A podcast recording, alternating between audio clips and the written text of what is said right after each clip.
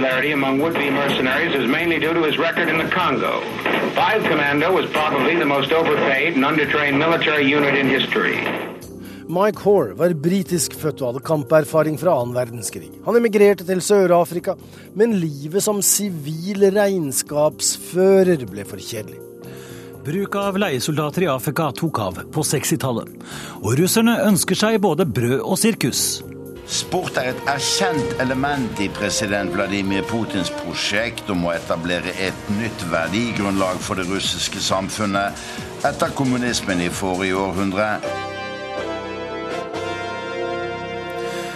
Her er Verden på lørdag. Jeg heter Øyvind Nyborg. Først skal vi til Kongo. Der er det nå eh, så smått optimisme blant diplomatene som jobber med å få dødsdømte Joshua French ut av landet. Det sa reporter i Kinshasa Jan Espen Kruse da jeg snakket med ham for en drøy time siden.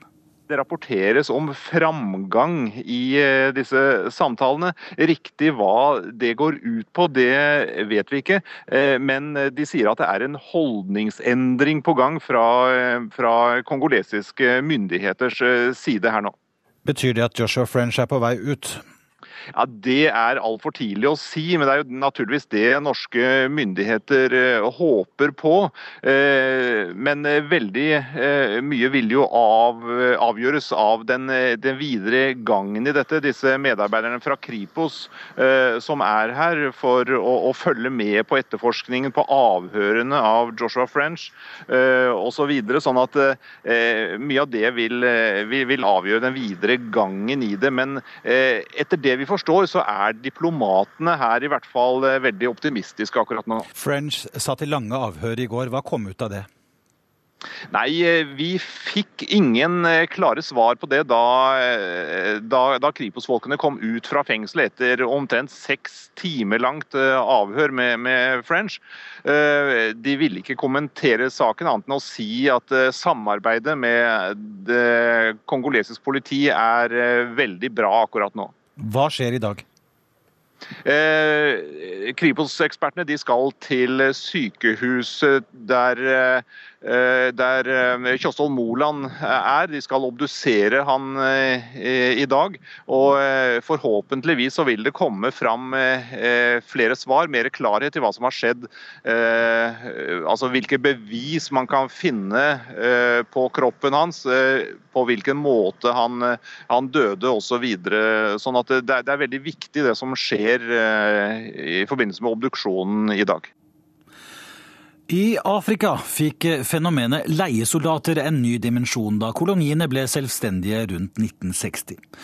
Under borgerkrigskaoset i det tidligere belgisk Kongo utmerket enkeltindivider seg som spesielt velegnet, og myten om den uavhengige og heltemodige leiesoldaten vokste fram og ble mytologisert i populærkulturen.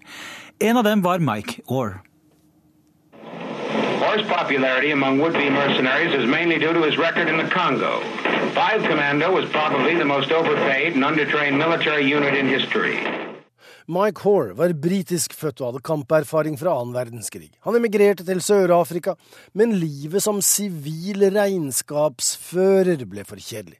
Han begynte som leiesoldat i Kongo, der hans gruppe i 1964 erobret Stanleyville, som Kisangani het den gangen, fra opprørsstyrkene og reddet hundrevis av europeiske gisler som fremdeles var i byen. By sheer force of personality, Mike Hoare turned them into a shock force, which blitzkrieged its way across a rebel area the size of Western Europe. På den andre siden i denne internasjonaliserte konflikten sto Cubas Che Guevara, som var i Kongo for å hjelpe opprørerne. Men Che Guevara var blitt sendt dit av Castro i internasjonal solidaritet på vegne av verdensrevolusjonen, og regnes derfor ikke som leiesoldat. Mike Hore var klar over hvem som ledet de fiendtlige styrkene.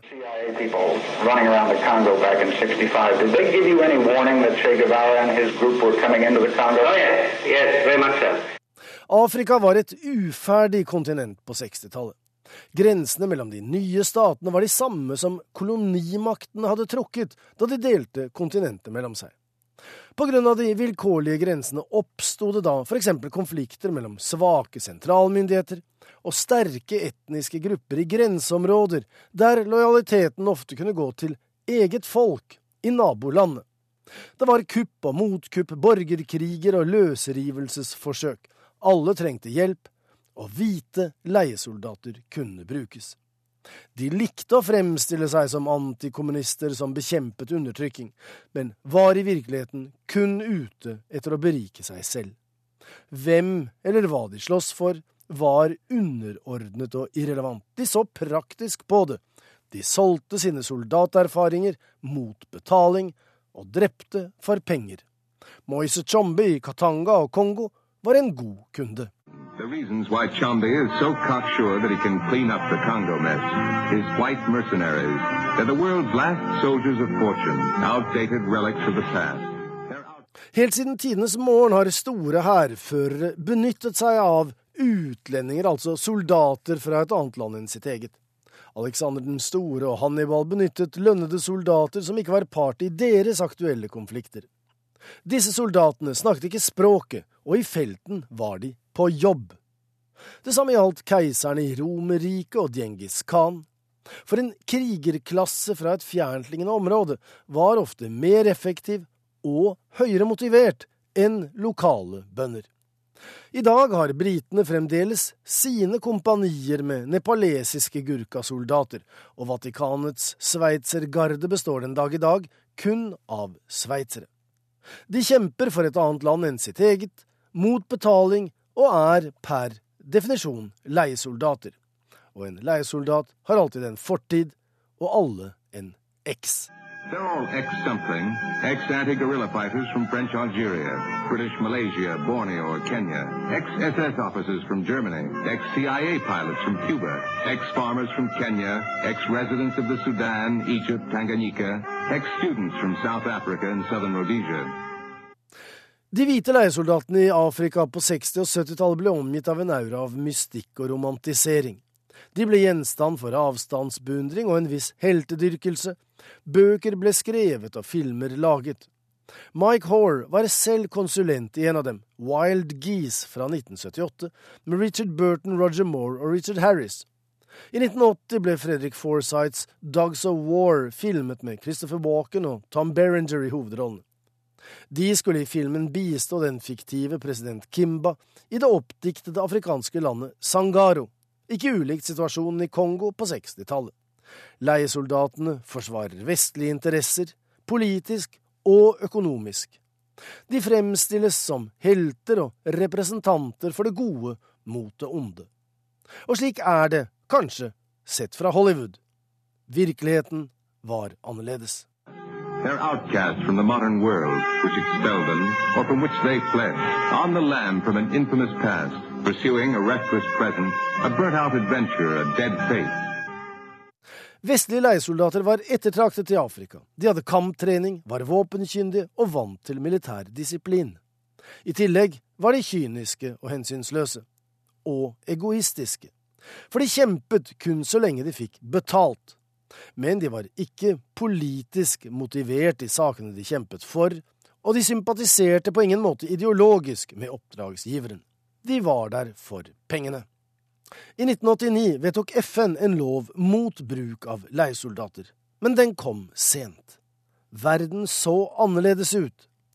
Berlinmuren var falt, den sørafrikanske apartheidstaten var under avvikling, og Sovjetunionen hadde gått på et nederlag i Afghanistan som skulle få store geopolitiske konsekvenser. Fiendebildet forandret seg. Navnløse jihadister og fanatiske islamister truet Vestens eksistens, kunne han få inntrykk av. Moderne teknologi i form av satellitter og droner forandret både spionasje og krigføring, og de myteomspunne veteranene med erfaring fra annen verdenskrig var i ferd med å gå ut på dato. Det betyr ikke at det ikke lenger finnes såkalte horrors of war, men ikke av den gamle skolen som mange i Afrika fremdeles husker og frykter fra annen halvdel av forrige århundre. For de er der. De har riktignok tilpasset seg den nye tid og heter nå alt fra livgarde og sikkerhetsvakter til sivile kontraktører og digitale operatører, men de tjener fremdeles penger på å bistå fremmede makter i krig. Det sa reporter jo Joar Hoel Larsen. Og Kongos rikdom er landets forbannelse, mener historieprofessor ved G. Van Temsche-universitetet i Brussel. Landet ble til fordi en belgisk konge var besatt av å få sin egen koloni. Kong Leopold 2. hadde mislykkes på Filippinene, på Fiji, Kreta og Marokko, men så fikk han en sjanse i Sentral-Afrika. Europakorrespondent Åse Marit Befring har vært på museumsbesøk denne uka. Of course, there is some Belgian responsibility in the fate of the Congo after independence, but the responsibility is much larger than this specific one. Belgia har noe av ansvaret for Kongos skjebne, men er ikke skyld i alt, sier Guy Vantemsche. Historieprofessoren står foran et av mange praktbygg i Brussel, reist for penger på tvangsarbeideres slit og svette i Kongo.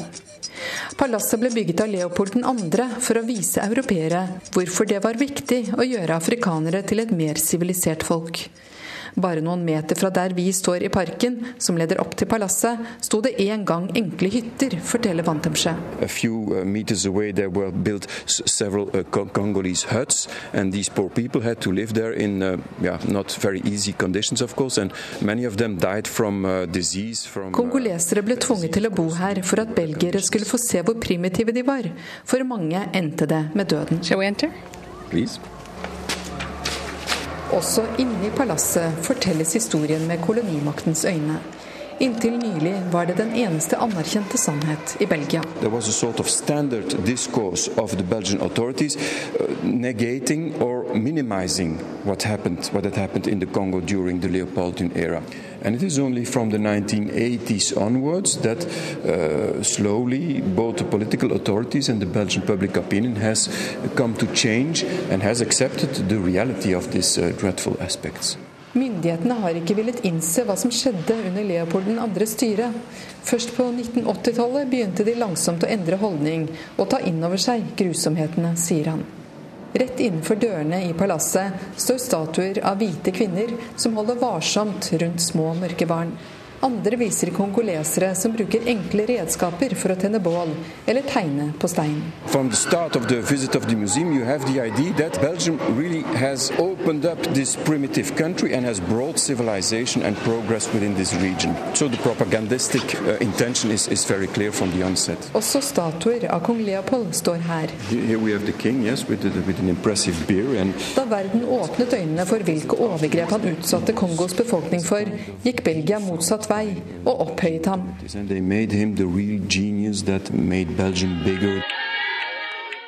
Leopold 2. var lidenskapelig opptatt av å gjøre Belgia til en kolonimakt.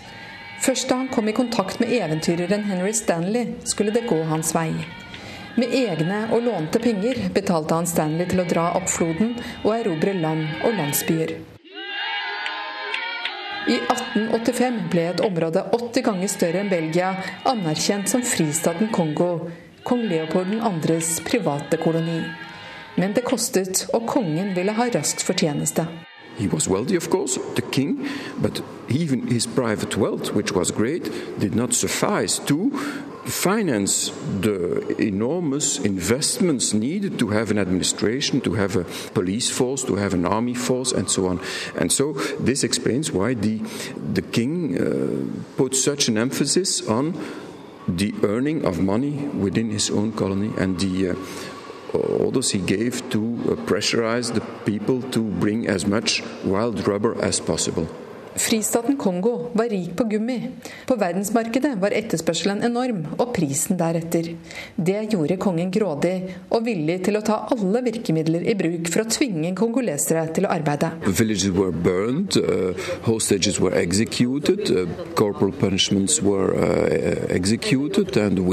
men, uh, Landsbyer ble brent ned, gisler henrettet, barn helt ned i sjuårsalderen ble satt til å arbeide. Slik stimulerte de til økt gummiproduksjon stimulate the, the production of uh, natural riches such as rubber. På kort tid ble Belgia verdens nest største leverandør av gummi, etter Brasil.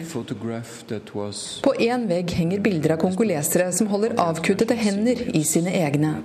I 1896 skrev en tysk avis at 1308 hender ble funnet på én dag. Det var en straff, men også en måte å vise at kulene ikke var sløst bort ved henrettelser. Hvor mange som døde under terrorregimet, vet ingen. One can say that maybe some million of people, of Congolese uh, inhabitants, lost their lives due to Kanskje flere millioner mistet livet, sier historikeren. Mange døde også av underernæring og sult fordi de ble tvunget vekk fra jorden som skulle brødfø dem. Da fordømmelsen fra vestlige land ble for sterk, overtok Belgia herredømmet over Kongo. Volden avtok, men undertrykkelsen fortsatte. Ved frigjøringen i 1960 var landet satt på bar bakke. Vantemsche mener likevel det er for enkelt å gi Belgia ansvaret alene for Kongos situasjon i dag. Uh, we should not we should try to avoid to have an idealistic picture of the situation of Central Africa before the coming of violence to uh, uh, uh to a context violent from the. Kollega Tom Christiansen, vi hører om en eh, råskap i belgisk eh, Kongo eh, her. Men det var også veldig mange nordmenn som var med? Ja. Kong Leopold hadde under etableringen av fristaten Kongo 1500 skandinaver med. Mange av dem var dansker. Men mellom 200 og 300 nordmenn meldte seg til tjeneste for den belgiske kongen for å dra til Kongo opp Kongofloden for å bistå han med å etablere staten. Hva var det de gjorde? Mange av dem var, av dem var uh, sjøoffiserer, altså sjømenn. Andre var uh, soldater eller offiserer fra det norske forsvaret, eller hva det het den gangen. De ble sendt oppover, noen for å være vaktmannskaper ved gruvene som de allerede har begynt å utvinne mineraler fra. Og eh, noen var eh, regulære offiserer i den hæren som han eh, bygget opp for å passe på sine interesser.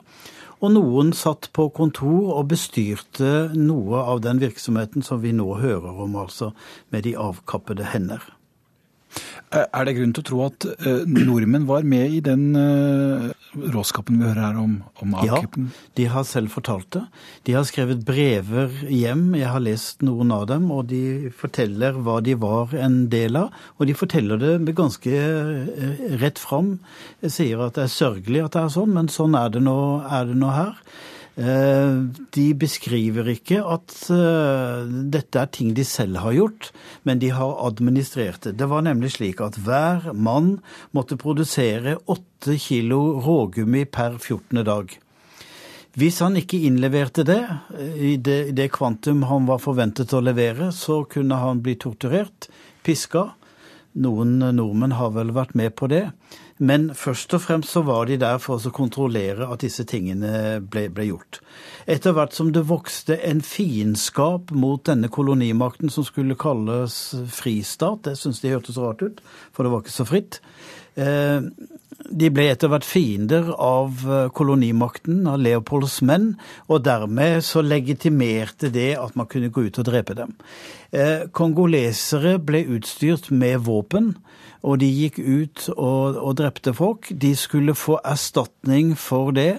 De skulle få betalt for hver kule, men da måtte de dokumentere. De kunne ikke komme drassende med hvert enkelt lik, så de kom med høyrehånda. Den høyrehånda ble brent i olje så den skulle holde seg. Og så fikk man altså utbetalt, bl.a. av en norsk tjenestemann ved kontoret, penger for å innlevere en hånd, eventuelt som kvittering for den kula man hadde brukt. Etter hvert skjønte jo folk at her lå det muligheter, slik at de kappet hender av levende mennesker, innleverte den hånda eh, som bevis på at de hadde drept noen, og fikk betalt for det av Leopolds menn, og det var altså 200-300 nordmenn blant dem som var en del av dette.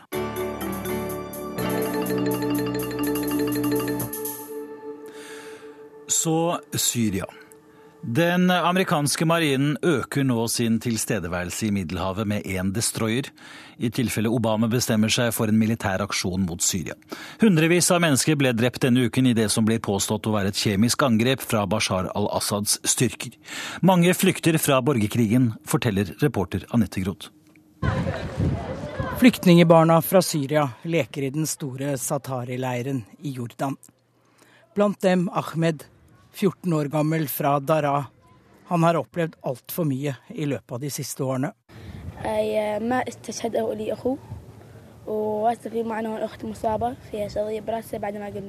Broren min ble drept. Søsteren min har en hodeskade. Ahmed forteller til folkene fra FNs høykommissær for flyktninger om den dramatiske flukten til Jordan. Liket av broren var med på ferden, og han er begravet der i Jordan. Et av de minst 7000 syriske barna som er drept i borgerkrigen. Ille, verre, verst. Slik kan de siste to og et halvt årene i Syria oppsummeres. Det begynte som ikke-voldelige demonstrasjoner mot fire tiår med Assad-familiens undertrykkende styre, og endte som brutal borgerkrig. Våpenhvileavtaler har kommet og blitt brutt. Observatører og spesialutsendinger har kommet og reist igjen. I FNs sikkerhetsråd har resolusjonsforslag kommet og blitt nedstemt. Borgerkrigen har splittet verdenssamfunnet. Russland og Kina mot USA og EU. Saudi-Arabia mot Iran, for å nevne noen av motsetningene. FNs generalsekretær oppsummerte verdenssamfunnets hjelpeløshet denne uken. It is clear that the situation in Syria continues to worsen. The humanitarian suffering is alarming. Sectarian tension have been ignited. Det blir bare verre og verre i Syria, sier FNs generalsekretær Ban Ki-moon. Hittil er over 100 000 mennesker drept. Det er registrert to millioner flyktninger i Syrias naboland. Halvparten av dem er barn. Og de fleste av de barna er under elleve år. Som åtte år gamle Jana fra utkanten av Damaskus, også hun i flyktningeleiren Satari i Jordan. Det eneste hun ønsker seg, er at alt skal bli som det var før.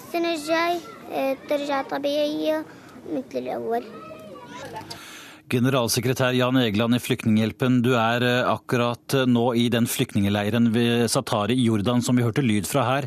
Eh, det har på kort tid blitt Jordans fjerde største by. Hvordan er det der? Situasjonen her er jo på bristepunktet i den forstand at det er over 100 000 mennesker her. Leiren ligger like ved den syriske grensen. Og alle her vet hvor ille det er i Syria. Så selv om de får eh, tjenester fra Flyktninghjelpen og FN og alle de andre som er her i leiren, så er de ekstremt frustrerte. Og det er, det er en spent stemning i leiren, delvis også av den grunn at de vet at nå er grensen nesten stengt. Det kommer få over fra Jordan, og situasjonen er, er, er eh, desperat av to årsaker inne i Syria. Eh, dels mer eh, ekstrem, eh, ekstreme kamper i nye områder. Og dels er det jo rett og slett det at det er ikke mer mat, det er ikke mer forsyninger. Det er ikke eh, basisbehov engang dekket inne i landet. Hva gjør dere for å få kommet dere inn i Syria og yte den hjelpen som trengs? Ja, vi eh, forsøker nå å se på mulighetene fra alle eh, Syrias naboland. Det store strategiske målet for alle oss som er eh, opptatt av vår tids største menneskelige utfordring, som er Syriakrigen. Vi må komme inn i Syria og gjøre mer der. Ellers er det jo bare å vente på at mange nye millioner flykter ut. Etter hvert vil de for øvrig eh, vandre videre fra nabolandene og, Europa og Norge for den del. Vi må komme inn i, i Syria, og det gjør vi dels allerede fra, fra Tyrkia, men vi må jo også sette muligheten fra Jordan og Irak.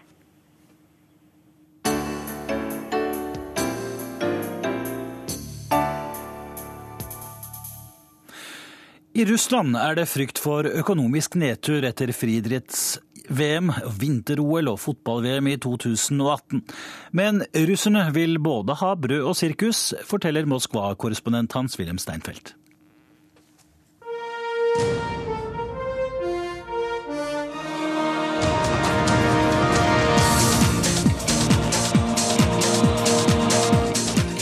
Da universiaden i Kazan i Tatarstan ble åpnet i juli, hadde hele hovedstaden for fem millioner muslimer i denne delrepublikken av Russland fått en meget påkostet fornyelse. Даже спортом в нашем городе стали заниматься в два раза больше, чем раньше, благодаря появлению в городе новых спорткомплексов. Nå driver dobbelt så mange med idrett enn før i byen vår, takket være alle idrettsanleggene som har kommet her nå, sa Kazans borgermester da universitetslekene ble avsluttet nå i juli. Men den russiske statsministeren frykter at stigende oljepriser kan føre Russland ut i økonomisk ulykke.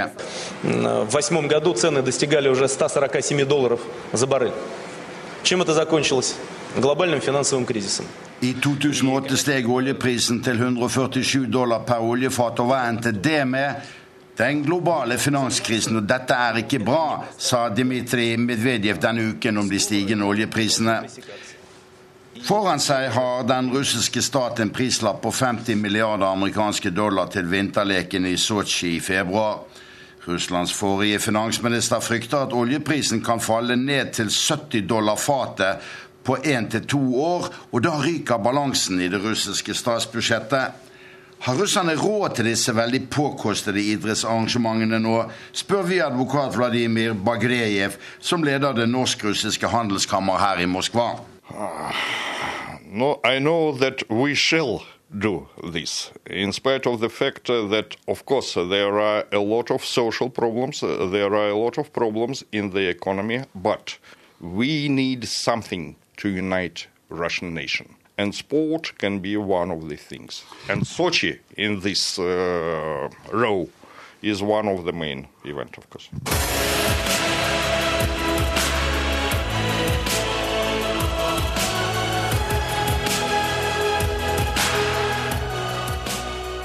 Nå i august gjennomførte russerne verdensmesterskap i friidrett her i Moskva, og i meget god stil.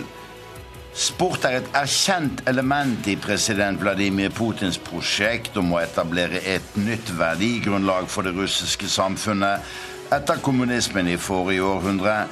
Da er de stolte idrettstradisjonene fra sovjetæraen gode å ha med seg. Sport was popular in Russia, was popular in Soviet Union, and is necessary for Russia from many, many points of view. We can speak about the health of the population from one side. We can speak about the moral values for the population uh, of uh, Russia. And we are to speak about some idea which can unite the population of Russia, taking into account that we have uh, a lot of nationalities, a lot of different religions, and so on and so forth. Ja, folket vil ha og får både brød og sirkus her i Russland foreløpig. Alle skriveriene om kaos under innspurten til Sotsji-leken i februar avvises kontant av handelsråd Dag Brekke ved den norske ambassaden i Moskva. Jeg ville i hvert fall ikke vært veldig bekymra for om de kommer i mål eh, til, til f.eks. OL begynner. Um, Eh, Russland er jo som Norge en økonomi som har veldig store inntekter fra olje og gass, og dermed veldig tett knytta til endringer i oljeprisen. Eh, og Vi har jo den samme diskusjonen her som vi, som vi har hjemme om den sårbarheten. Eh, men samtidig så har jo også Russland en veldig sterk tradisjon for å komme i mål i tide med de store, eh, synlige arrangementene. Som vi så under sommerlekene i 1980 her i Moskva. Ja. Du kjenner russerne godt etter tolv år på Svalbard. Uh, der er det kaldt. Uh, kjenner du igjen de russerne som er her fra dem du ble kjent med oppe på Svalbard i sin tid? Jeg si jeg ser veldig mye felles, ja. Veldig mye likt. Et aktuelt spørsmål med en mann som kjenner nordområdene godt. Uh, blir det snø i Sotsji? Det er jo gud hjelpe meg et subtropisk område. Ja, Det var i hvert fall veldig mye snø da jeg var der sjøl i, i, fjor. Eh, høyt oppe i fjella der alpinløypene går, så lava det ned. Men blir det 19 grader i lavlandet, da kan det stå litt uh, om de nordiske disiplinene? Det er i hvert fall et stort spenn i, i klima fra, fra alpinløypa og ned til uh, halvlandet ved sjøen. Ja. Sa handelsråd Dag Brekke til Hans-Wilhelm Steinfeld, Moskva. Fra meteorologi og økonomi til eh, økonomi. Eh, for den tyske velferdsstaten slår sprekker. Sosialstatens sammenbrudd heter en bok som er kommet på det europeiske markedet denne uken. Og Arnt Stefansen har møtt forfatteren i Berlin.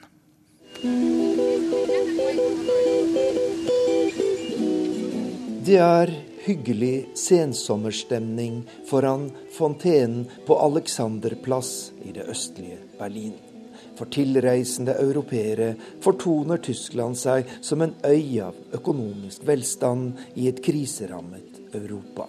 Og det går bra for den tyske økonomien. Men velstanden her i Tyskland når på langt nær alle.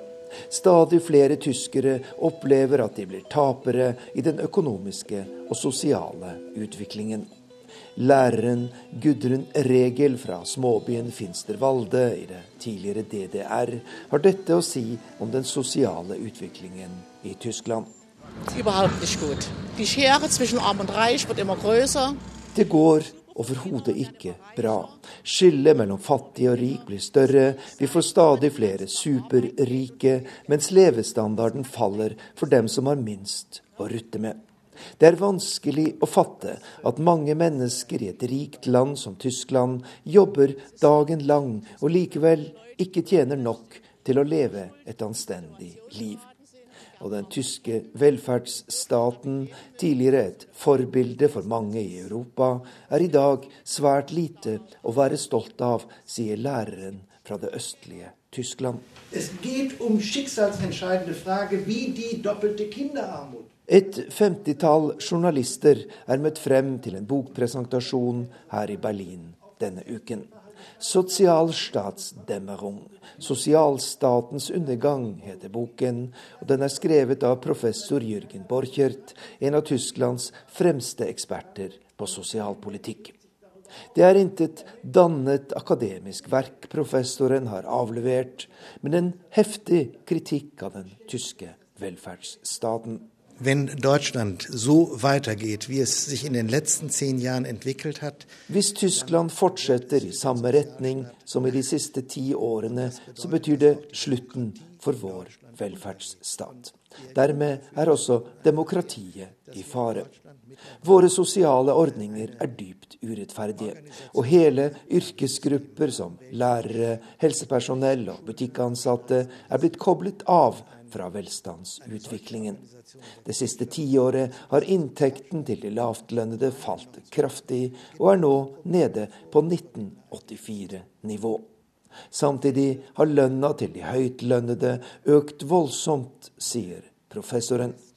Vi stellen fest, dass wir in Deutschland eine fortschreitende Verarmung breiter Schichten haben. Vi kan slå fast at store deler av den tyske befolkningen får stadig dårligere levekår, og de som rammes hardest, er barnefamiliene. Et sjokkerende tall sier det meste. I 1965 ble det født 1,3 millioner barn i Tyskland. I dag er tallet halvert, men likevel er det 16 ganger så mange barn som trenger sosialhjelp som den gang. Hvert femte barn som nå fødes i Tyskland, må ha sosialhjelp, sier Jürgen Borchert, forfatter av boken 'Sosialstatens undergang'.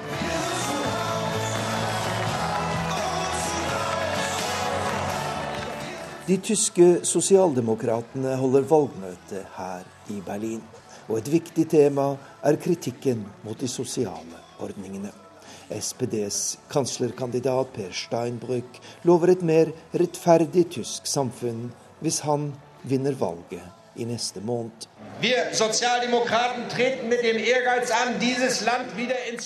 sosialdemokrater går til valg med det ærgjerrige mål å rette opp de grove skjevhetene som i dag kjennetegner det sosiale Tyskland. Vi trenger et rettferdig samfunn med like muligheter for alle, sier kanslerkandidaten. Men for mange velgere er Per Steinbrücks ord lite troverdige. Han var en av arkitektene bak SPDs omstridte Agenda 2010, et prosjekt som har bidratt til en kraftig slanking av de tyske velferdsordningene. I øyeblikket er det små forskjeller i sosialpolitikken mellom høyre- og venstresiden, sier Jørg Netzer, som er til stede på valgmøtet her i Berlin. Etter Agenda 2010 er det mange arbeidere og lavtlønnede som har vendt sosialdemokratene ryggen, og det er jo den viktigste grunnen til at partiet bare ligger på knapt 24% på meningsmålingene og er dømt til å tape valget, sier han.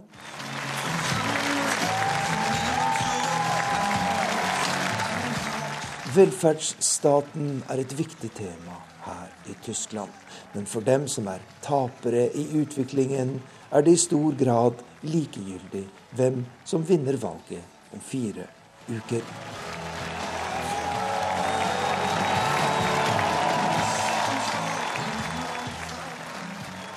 Vi skal fra Tyskland til krisen i Egypt. Denne uken er tidligere president Mubarak satt fri, samtidig som topplederne i Det muslimske brorskap, deriblant Mohammed Badi, må møte i retten for å ha oppfordret til vold. Det er som om klokka er skrudd helt tilbake, sa den verdenskjente britiske journalisten Robert Fisk da jeg snakket med ham før sending.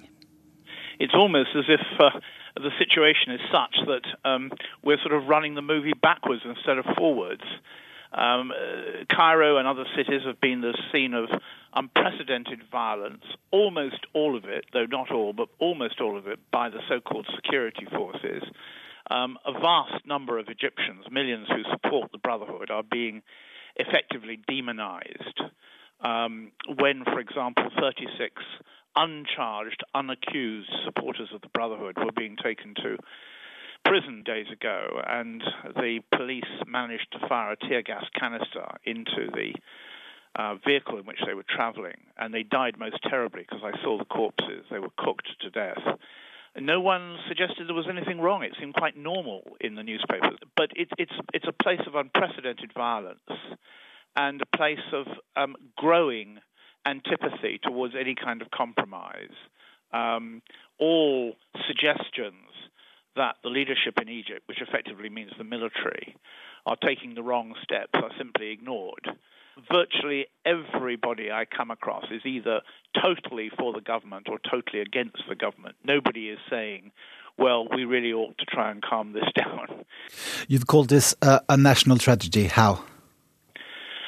Well, Egypt, you see, was always regarded in the Arab world as being a sort of mother country. Not only was it the largest Arab state, but it was also, because of Nasser and I suppose Sadat and to some extent Mubarak, it was seen as a symbol of unity, the country that couldn't break apart, the country that could always absorb its differences, um, where, with the exception of a few um, Christian Muslim arguments, usually over mixed marriage, the 10% of the population who were Copts were uh, regarded with um, decency and honor and vice versa. Uh, we've had a lot of church burnings in the last few days, and the discrimination against the Christians is turning into persecution.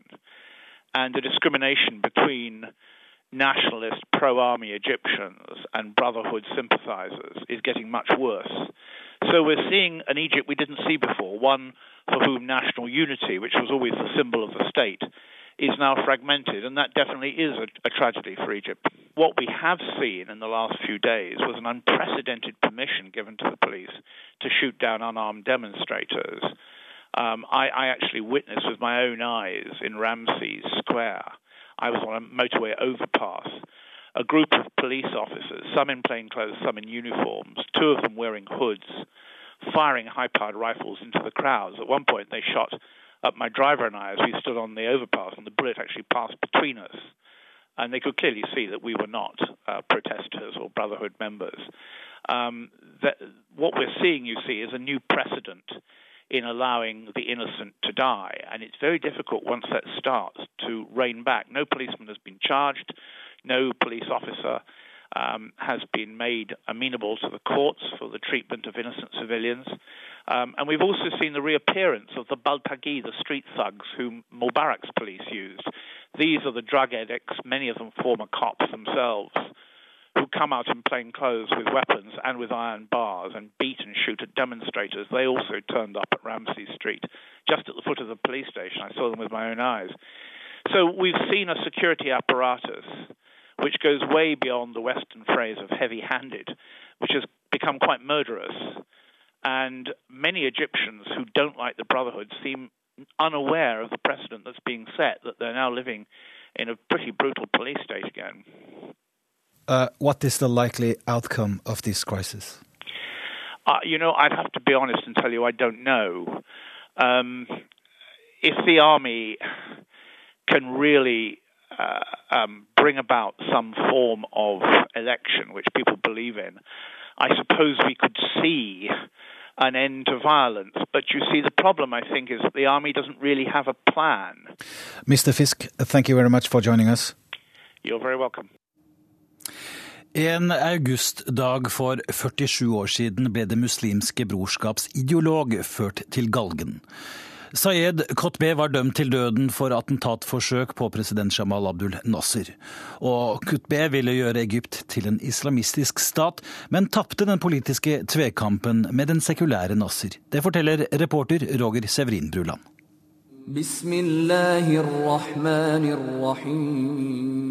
Ideologien til Kutb lever videre. Han har inspirert både fredelige og voldelige islamistrørsler, som til dømes Al Qaida. Sayed Qutb vokste opp på den egyptiske landsbygda. Han viste tidlig pedagogiske evner og formidla kunnskap til de i landsbyen som ikke kunne lese. I Kairo fikk han britisk utdanning av koloniherrene, og fikk seg en god jobb i Utdanningsdepartementet. Vendepunktet kom ifølge han sjøl da han reiste på studietur til USA.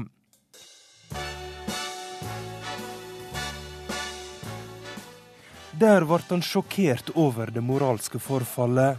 Han så et materialistisk samfunn prega av rasisme, løsaktige kvinner og stygge hårsveiser, som han skrev. Et overfladisk samfunn med falske vennskap. Jazzmusikk så han på som noe dyrisk og syndig. Tilbake i Kairo meldte Kutb seg inn i Det muslimske brorskapet. Der ble han en viktig ideolog.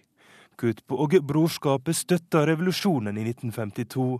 De mente kongen og regjeringa var marionetter for britene. De håpte også at arkitekten bak revolusjonen, Gamal Abdel Nasser, ville skape en stat basert på sharia, religiøse lover. Kutb og Nasser møttes nesten hver dag. De kunne sitte og diskutere i over tolv timer. Men forholdet surna. I en tale forteller Nasser hvorfor. في سنة 53 كنا نريد فعلا مخلصين ان احنا نتعاون I 1953 prøvde vi virkelig å gjøre kompromiss med brorskapet, forteller Nasser til partiet sitt. Jeg møtte lederen deres, han sa til meg og kom med kravene sine. Og hva var det han krevde?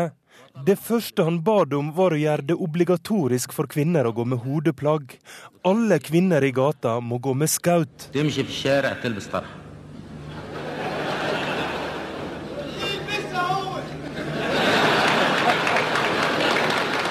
Fra salen roper en mann. Han kan vel gå med skaut sjøl. Og forsamlinga bryter ut i latter. Nasser smiler karismatisk og sier videre. Jeg svarte at går jeg med på et slikt krav, har vi sendt Egypt tilbake til tida da al-Hakim bi Amr Allah regjerte på 900-tallet. Han gjorde det forbudet å gå ut på dagtid. Jeg mener at hver heim må få bestemme sine egne regler om dette. Han svarte nei, det er du som leier landet som må bestemme, forteller Nasser. Nasser hadde med dette vist brorskapet at han aldri ville innføre islamismen. Opprørte over det de mente var et svik, planla de et attentat. Men planene ble avslørte, og like etter ble Sayed Qutb kasta i fengsel. Nasser brukte hendinga som påskudd for å knuse det muslimske brorskapet. De som ikke ble arrestert, gikk under jorda, og rørsla har fram til revolusjonen i 2011 blitt undertrykt av styremaktene i Egypt. Men ideologien til Kutb har blitt spredd til islamister verden over. En av elevene hans var Ayman Sawahiri, som igjen var mentoren til Osama bin Laden. Sawahiri tok også over ledervervet i Al Qaida da bin Laden ble drepen. Og snart 50 år etter Said Kupt ble hengt, blir brorskapet igjen knust av den sekulære hæren i Egypt. Men det betyr ikke at drømmen om en sharia-styrt stat er død. Med den eh, siste utviklingen i Egypt, så er det mange som også spør seg eh, hva som kommer til å skje med det muslimske brorskapet framover, og om de har mistet helt troen på eh, noe form for demokrati. Vi har også fått et korrespondentbrev fra Egypt, og det er signert vår Midtøsten-korrespondent Sigurd Falkenberg Mikkelsen. Har du noensinne lurt på om en eh, stor fransk gryte kan få plass i en smal pappeske som en gang ble brukt til sigarettkartonger av merket Merit? Ikke det? Ikke jeg heller, inntil eh, denne uken, for eh, når man skal flytte fra sin gamle leilighet til et nytt sted i en by med portforbud, tar man de pappeskene man får tak i. Jeg hadde esker som luktet vaskemiddel, jeg hadde blå esker fra Aquafina og en grønn fra Perrier, som før var blitt brukt til vannflasker. Jeg hadde noen med murpuss i som var så myke og av så dårlig kvalitet at jeg var redd de skulle revne, og jeg hadde heldigvis noen gode japanske esker som jeg brukte til bøkene mine. Det ble til slutt en stor operasjon som på det meste involverte åtte mann, og som vanlig når man flytter, visste jeg at noe var over, og at noe skulle begynne. Jeg har flyttet så mange ganger i mitt liv at jeg lar meg ikke lenger lure til å tro at alt skal bli annerledes. Men en flytting er et omdreiningspunkt for minner og tanker. Den følelsen at noe var over her i Kairo, ble styrket da jeg noen dager senere sto utenfor Tora-fengselet.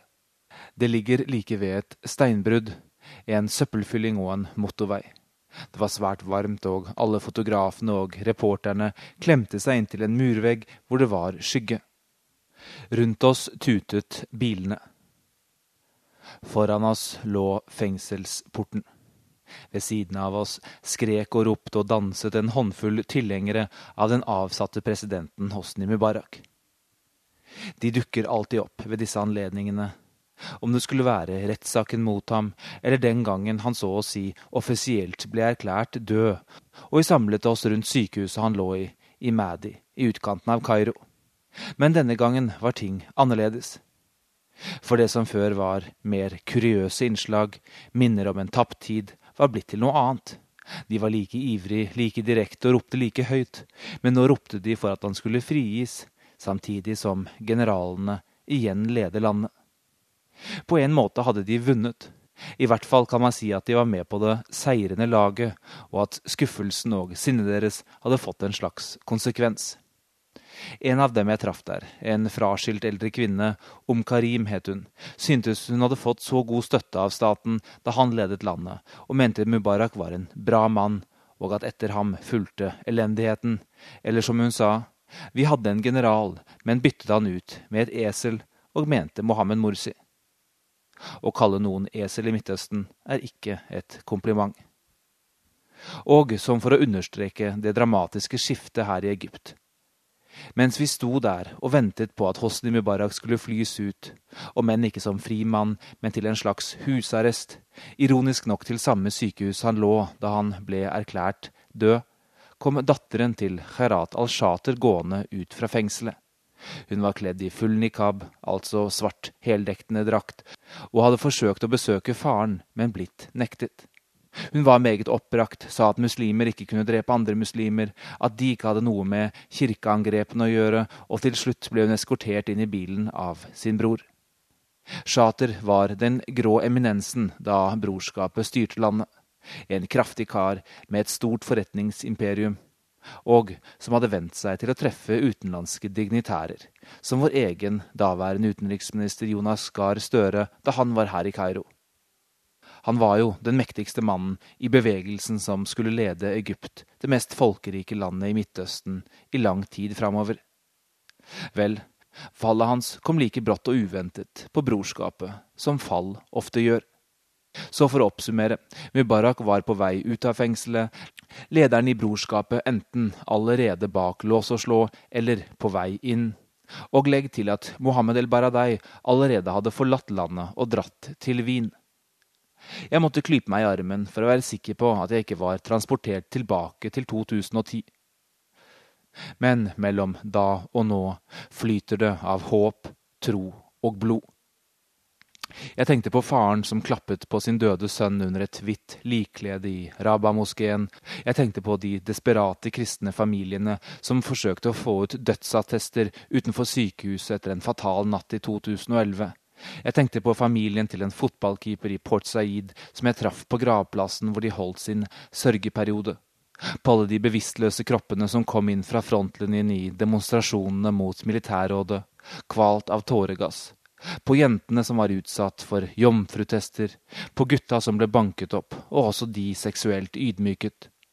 Og at alt har en fellesnevner. En autoritær stats politi og hær. Uavhengig av hvem som har styrt. Disse folkene ble aldri borte, og Mohammed Morsis største feilgrep og synd var å tro at han kunne alliere seg med dem mot sine politiske motstandere. For politi og etterretning har kanskje ikke vært så synlig de siste årene. Men de gangene jeg har endt opp, som oftest mot min egen vilje, på et av deres kontorer, har temaet alltid dukket opp. Brorskapet, de islamistiske gruppene. De har kjempet mot dem i årtier, og hvordan kan vi i Vesten, blir alltid spurt, støtte disse menneskene, og hva synes du egentlig om dem? De spør ikke fordi de er interessert i svaret mitt. Sist gang jeg satt på et slikt kontor, sa en av dem, og med det vi nå vet, var det et fryktinngytende frampek mot det som skulle skje. Snart vil vi kvitte oss med alle disse gruppene. Snart er alt over. Og det er denne retorikken, denne motsetningen, som nå er altoverskyggende her i Egypt. På alle TV-skjermer, det være seg private eller statskanalene, står det 'Egypt Fighting Terrorism' på engelsk. For budskapet er myntet på oss, som ikke forstår hva som egentlig står på spill her. Oss som tror at journalistikk handler om ikke å ta for gitt det myndighetene sier. Det de sier er i grunnen ganske enkelt. Enten er du med oss eller mot oss i dette kritiske øyeblikk. Det finnes ikke noen plass i midten. Og jeg mener ikke å ta lett på problemstillingen eller avfeie den. Mistroen til brorskapet sitter dypt i folk, og bevegelsen klarte ikke å gjøre noe med det da de hadde makten. Tvert imot, deres styre var både inkompetent og på sitt vis naivt. Deres protestleire i Kairo hadde også to sider. Fredelige demonstranter som skulle støtte en valgt president. Det var bildet de ville ha fram til resten av verden, og først og fremst til Vesten. Også de hadde mange plakater på engelsk. Mens deres motstandere i Egypt så en islamistisk gruppering med hatefulle taler og tydelig sekterisme rettet mot landets kristne befolkning og det var tydelig at lederskapet hadde vilje til å fortsette og også ofre sine medlemmer, trass i at en dødelig konfrontasjon nærmet seg. Det er ting og nyanser som aldri kommer helt fram når ting skal formidles videre. Men jeg vil aldri akseptere å bli satt i en situasjon der en kritisk tilnærming til hendelsene er umulig. En ting jeg stadig blir spurt om, også en gang jeg ble anholdt av militær etterretning, var om dette var en revolusjon eller et kupp. Jeg skrev også om dette like etter at Morsi ble avsatt. Denne semantiske krigen er mer enn detaljer. Den sier noe om hvilken side du står på. Begge ordene er så ladet. Det ene med bud om positiv endring, det andre om noe nederdrektig og skittent. Ordene klinger også forskjellig i historisk lys. Revolusjon kan være Moskva 1917, Paris 1789, eller hva med Portugal 1974? Et kupp kan være Chile i 1973 eller en afrikansk hær som tar over en enkel statsstruktur. Ingenting av dette passer ordentlig. Men jeg mener likevel at i lys av alt som har skjedd her den siste tiden, er det mest klargjørende å se på det som har skjedd her i Egypt de siste årene, som to kupp. Først et som avsatte Mubarak, deretter ett mot Morsi og hans lederskap. Begge ganger var det enorme menneskemengder i gatene som krevde et bedre og friere liv. Begge gangene grep hæren inn og styrte situasjonen slik at de beskyttet egne interesser. Jeg tror ikke det var planlagt, men de tok muligheten da den bød seg. Militæret i en intern maktkamp med politiet og mot Mubarak-klanen i første omgang. Deretter mot brorskapet denne sommeren. Mubarak ble til slutt fløyet ut av fengselet, og det er fristende å se på perioden som lukket. Det som begynte 25.1.2011, fant sin ende her ute ved Tora-fengselet 22.8.2013. Men, og her tror jeg militæret foregner seg, selv om de nå har bred støtte i landet, noe er annerledes, noe har forandret seg.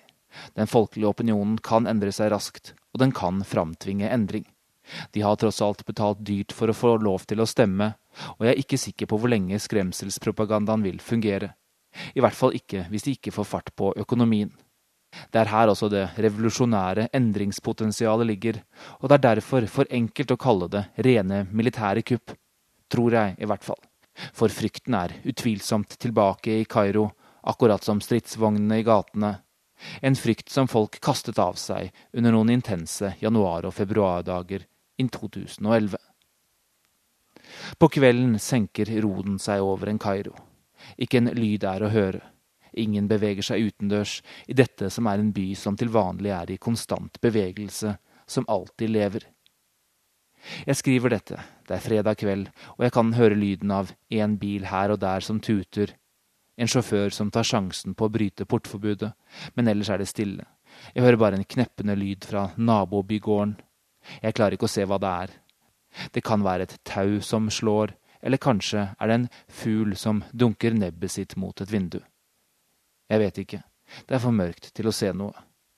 Jeg sitter her, på balkongen i min nye leilighet, og klarer ikke å fri meg fra tanken om at rundt omkring i disse velstående delene av Kairo er det ganske mange eldre herrer som puster lettet ut, lener seg tilbake i stolene og sofaene sine og enten tenker stille for seg selv eller sier til sine venner.